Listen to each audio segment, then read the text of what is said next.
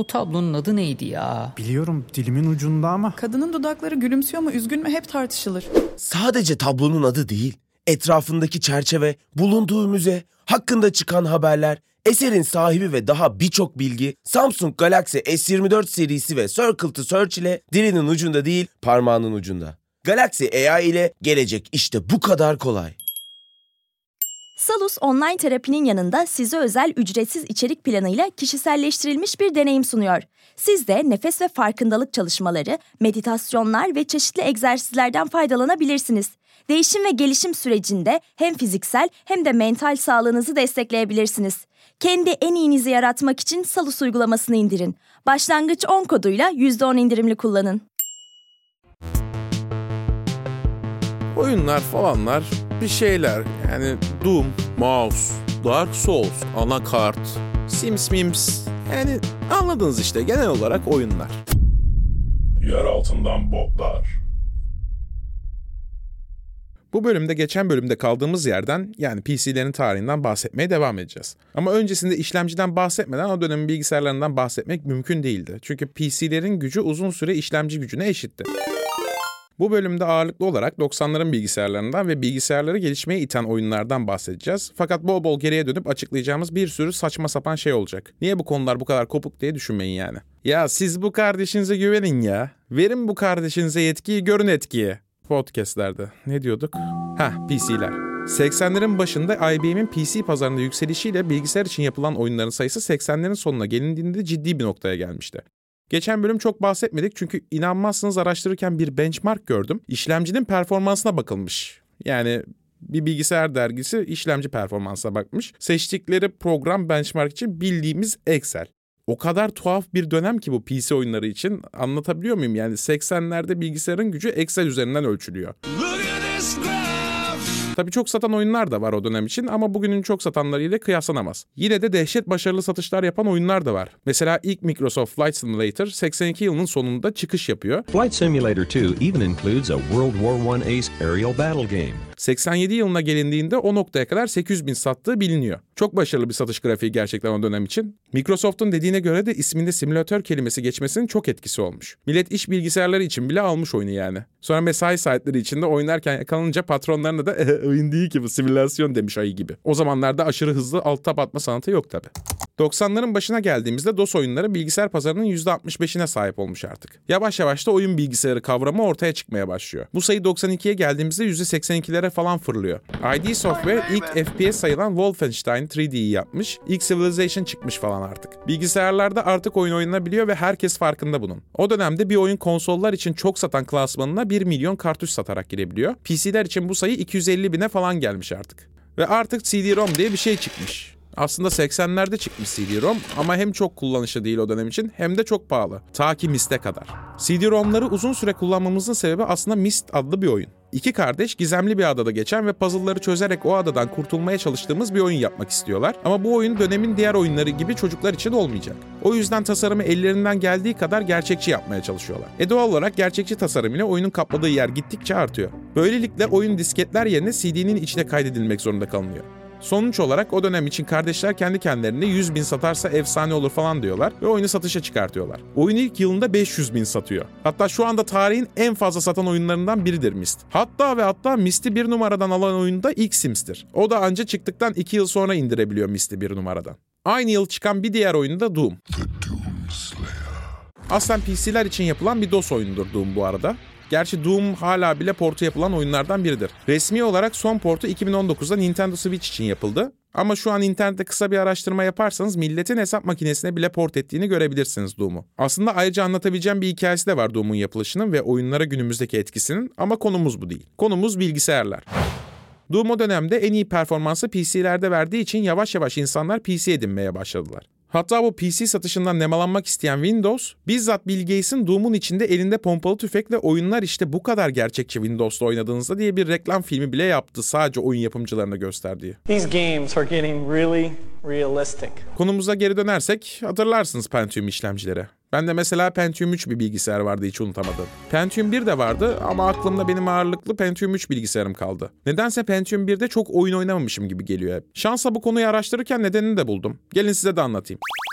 Şimdi Pentium 1 Intel tarafından yapılan bir işlemci. 93 yılında çıkıyor Pentium. İsmi o dönem çıkan 468'lere göre çok farklı çünkü Intel bir önceki jenerasyonda yaptığı hatayı fark etmiş. Özel bir isim alıp bunu diğer firmaların kullanmasını önlemek istemiş. O dönemin diğer işlemci üreten firmaları Cyrix ve AMD'nin 468 adında çipleri var çünkü. Sonuç olarak Intel Pentium isminde karar kılıyor ve 93 yılında işlemcisini piyasaya sürüyor. Anında hit oluyor bu işlemci çünkü aşırı hızlı. Hatta şöyle söyleyeyim, Excel ile yapılan bir benchmarkında ondan önce çıkan bütün işlemcilere yarı yarıya fark atıyor. Yani hangimiz Excel'i daha hızlı kullanmak istemez ki? Bildiğiniz gibi 60 FPS Excel her çocuğun hayali o zamanlar. Şaka bir yana Pentium'un tasarımı diğer işlemcilere göre çok farklı. O dönemin işlemcilerine göre 15 kat daha hızlı hesaplamalar yapabiliyor. Bunu da kayan nokta hesaplamalarında yapıyor.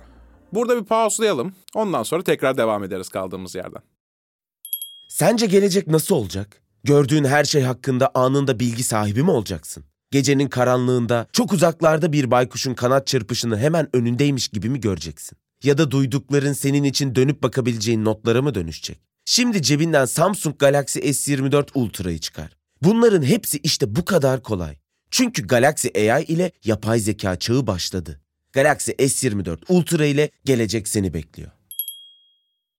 Salus uygulamasında klinik psikologların yanında online görüşme yapabileceğiniz farklı uzmanlar da var. Çocuk gelişim uzmanı, diyetisyen veya fizyoterapist. Bu sayede değişen ihtiyaçlarınıza uygun beslenme, egzersiz ve sağlıklı yaşam rutinleri oluşturabilirsiniz. Salus uygulamasını indirin ve başlangıç 10 koduyla %10 indirimden yararlanın. Detaylar açıklamalarda ve salusmental.com'da.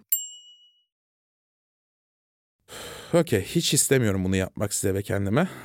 Ama bu nokta önemli olduğu için çok özür dileyerek size kayan nokta hesaplaması nedir çok ufak anlatmak zorundayım. Herkesten çok özür dilerim. Şimdi kayan nokta hesaplaması aşırı teknik bir konu. Normal hesaplarda sayılar sonsuza gider bildiğiniz gibi.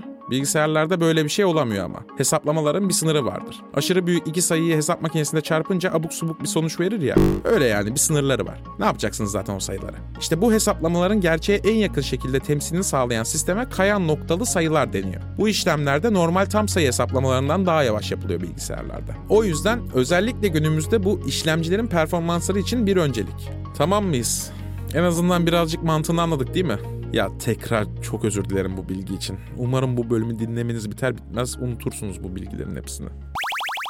Şimdi bunu niye anlattım? Çünkü Pentium'a kadar bu işlemcilerin üzerine düştüğü bir olay değildi. Çünkü işlemci hesaplamaları ağırlıklı olarak tam sayılarla yapılıyordu. Hatta Pentium çıktığında bütün inceleyenler bu özelliğini övüp Pentium'u satın almanın aynı zamanda gereksiz olduğunu savunuyorlardı. Çok saçma değil mi? Hem inanılmaz işlemci diyorlar hem de almayın diyorlar. Değil ama öyle işte. Bilmediğiniz konularda yorum yapmayın yoksa kayan nokta hesaplamanın detaylı anlatırım size. Kızdırmayın beni. Neyse özür dilerim o olay için ayrıca. Olay şu kısaca, Pentium fazla güçlü bir işlemci ve diğerlerine göre pahalı yeni çıktığı için, yani doğal olarak. Ama bilgisayarların işlemci dışında başka parçaları da var bildiğiniz gibi. Mesela RAM. Şimdi Pentium o kadar güçlü ki piyasadaki hiçbir RAM Pentium'un hızına ayak uyduramıyor. E şimdi Pentium bir işlemci alırsan sonra düzgün performans almak için çıkar çıkmaz en yeni ve en hızlı RAM'lerden de alman gerekecek. O da dünya paraya gelecek. O yüzden saçmalamayın bekleyin diyorlar o dönemin bilge geekleri. Haklılar da. E ondan sonraki en hızlı işlemci de Intel'in 486'sı olduğuna göre Intel'in bu hikayede çok bir kaybı da olmuyor. Sonuç olarak Pentium çıktığı 93 yılında çok çok az satıyor. Kısacası o dönemde babam bunları bilmeden Pentium 1 bir bilgisayar almış benim anladığım. Ama çok uzun yıllar tam performansını sergileyemediği için bu bilgisayar benim kafamda yer etmemiş anladığım kadarıyla. Ya da dümdüz küçüğüm hatırlamıyorum. O da olabilir tabii. Bu arada Intel'in rakipleri 96 yılında Pentium'a rakip olabilecek işlemciler çıkarıyorlar. Bu da yavaş yavaş Pentium'un fiyatını düşürüyor. Ta ki bir oyuna kadar. Quake. ID Software inanılmaz bir yapımcı hakikaten. Adamlar 90'ları domine etmiş. Quake ise Doom'un biraz daha gelişmişi. Artık o kadar fazla yaratık üstüne aynı anda gelmiyor Quake'te. Ama oyun full 3D ve gerçek zamanlı bir şekilde yaratıklar renderlanıyor. Yani öyle önceden çizilmiş yaratıklar değil ekranda gördüklerimiz artık. İnanılmaz bir teknoloji gerçekten o gün için. O yüzden de Pentium işlemci kullanmak zorundasınız Quake oynayabilmek için. ID Software Quake'i yaparken Pentium'un kayan nokta hesaplamalarından yararlanıyor. Bu noktaya kadar çıkan diğer oyunlar ve programlar ise tam sayı hesaplamaları kullanıyor. Onlarda da AMD ve Cyrix'in işlemcileri Intel'in Pentium'una göre kat kat daha iyi. Quake'de ise hiç işe yaramıyor. Cyrix bu yarışta o kadar yara alıyor ki bildiğiniz gibi şu anda yok öyle bir marka. ID Software ve Intel el ele verip bir rakibini yarıştan düşürüyor yani. AMD o kadar yara almıyor tabi ama başka bir çip çıkararak kurtuluyor bu yenilgiden 97'de. Ayrıca Pentium çıktıktan 4 yıl sonrasına kadar piyasadaki en iyi işlemci oluyor. Helal olsun büyük başarı. Quake ise harita tarzı Doom'a çok benzese de oynanış olarak çok daha farklı. Özellikle oyunun asıl olayı olan savaşma şeklinde büyük değişiklikler var. Doom'da bütün olay kalabalık bir saldırgan ekibini kontrol etmekken Quake'de biraz daha teke tek savaş ön plana çıkıyor. Quake'den bahsedince doğal olarak 3D'den de bahsetmek gerekir. Çünkü Windows 95'in norm olmaya başladığı bir dönemdeyiz artık. Eskiden oyunlara girmek için Windows'tan çıkıp DOS'a geçmek gerekirken artık Windows'un içinden direkt oyunlara geçmeye başlamışız. Yavaş yavaş ekran kartları ekstra bir eklentiden zorunluluğa dönüşmeye başlıyor. 80'lerin başında ekran kartı dediğimiz şey sadece yazı yazabileceğin satır sayısını ve bilgisayarda çizim yapmayı etkiliyordu. Yani ekran kartı siyah beyazsa bilgisayar yazı yazmaya yönelik oluyor, daha fazla satır oluyor. Tek renkli yani monokromsa çizim yapabilme olanağı sunuyor ve satır sayısı daha az oluyordu. Monokromla yazı da yazabiliyordunuz tabii ama amaç yazı yazmaksa satır sayısı fazlalığı olan siyah beyazı almak daha mantıklı oluyor. Öyle şark kurnazlığı yapıp monokrom alayım hem de yazı yazarım demeye gerek yok yani. Benim de aklıma geldi ama öyle olmuyormuş işte. Sonuç olarak bu çakallık fark ediliyor IBM tarafından ve 84 yılında EGA diye bir ekran kartı versiyonu çıkıyor. Sonuç olarak daha hızlı bir ekran kartı EGA ama siyah beyaz kadar fazla satırı yok. 16 renk imkanı sunuyor sadece ve satır sayısı da siyah beyaza göre monokrom kadar az değil. Gayet verimli yani. Hatta monokrom ve siyah beyaz kartların bilgisayar girişleriyle de uyumlu bu EGA kartı. Ama başka bir uyumluluk problemi var. Ekranlar. O dönemde çıkan ekranlar ya siyah beyaz oluyor ya monokrom oluyor. O yüzden yazı işi yaparken dur ben bir çizim yapayım gibi çılgınlıklar yapamıyorsunuz. Ekran değiştirmek gerekiyor. Zaten büyük delilik yani insan biraz daha kontrollü olur. Çıldırmayın böyle. Madem öyle bir sonraki bölümde de ekran kartlarından bahsedelim. Çünkü onların dünyası gittikçe karmaşıklaşıyor. Hem temelini dağıttık. ilk 3 ekran kartından bahsettik. Bakalım ekran kartları oyunları ve bilgisayarların gelişimini nasıl etkilemiş? Ulan bilgisayarlar bir bitmediniz ya. Bak bak oyunlardan bahsedince aklıma ne geldi? FIFA, monitör, jeton, LOL. Başka da bir şey gelmedi galiba. Tamam o zaman şey yapalım ben biraz daha düşüneyim. Bir dahaki bölümde görüşürüz. Siz de düşünün. Olmadı orada şey yaparız karşılaştırırız. Yer altından botlar. Boğa ve Venüs arasında 120 derece üçgen açılarla desteklenecek. Yeni ay ve devam eden süreçlerde tutumlarımız önem kazanacak. Özetle pozitif olun. Notlarını istediğin gibi özetleyen not asistanı Samsung Galaxy S24 serisinde. Galaxy AI ile gelecek işte bu kadar kolay. Salus yetkin psikologları ile terapiyi her yerden ulaşılabilir kılmaya devam ediyor. Yaşam tarzı değişiklikleri, adaptasyon sorunları, yalnızlıkla başa çıkma gibi konularda online terapi desteği için Salus uygulamasını indirin. Başlangıç 10 koduyla %10 indirimli kullanın.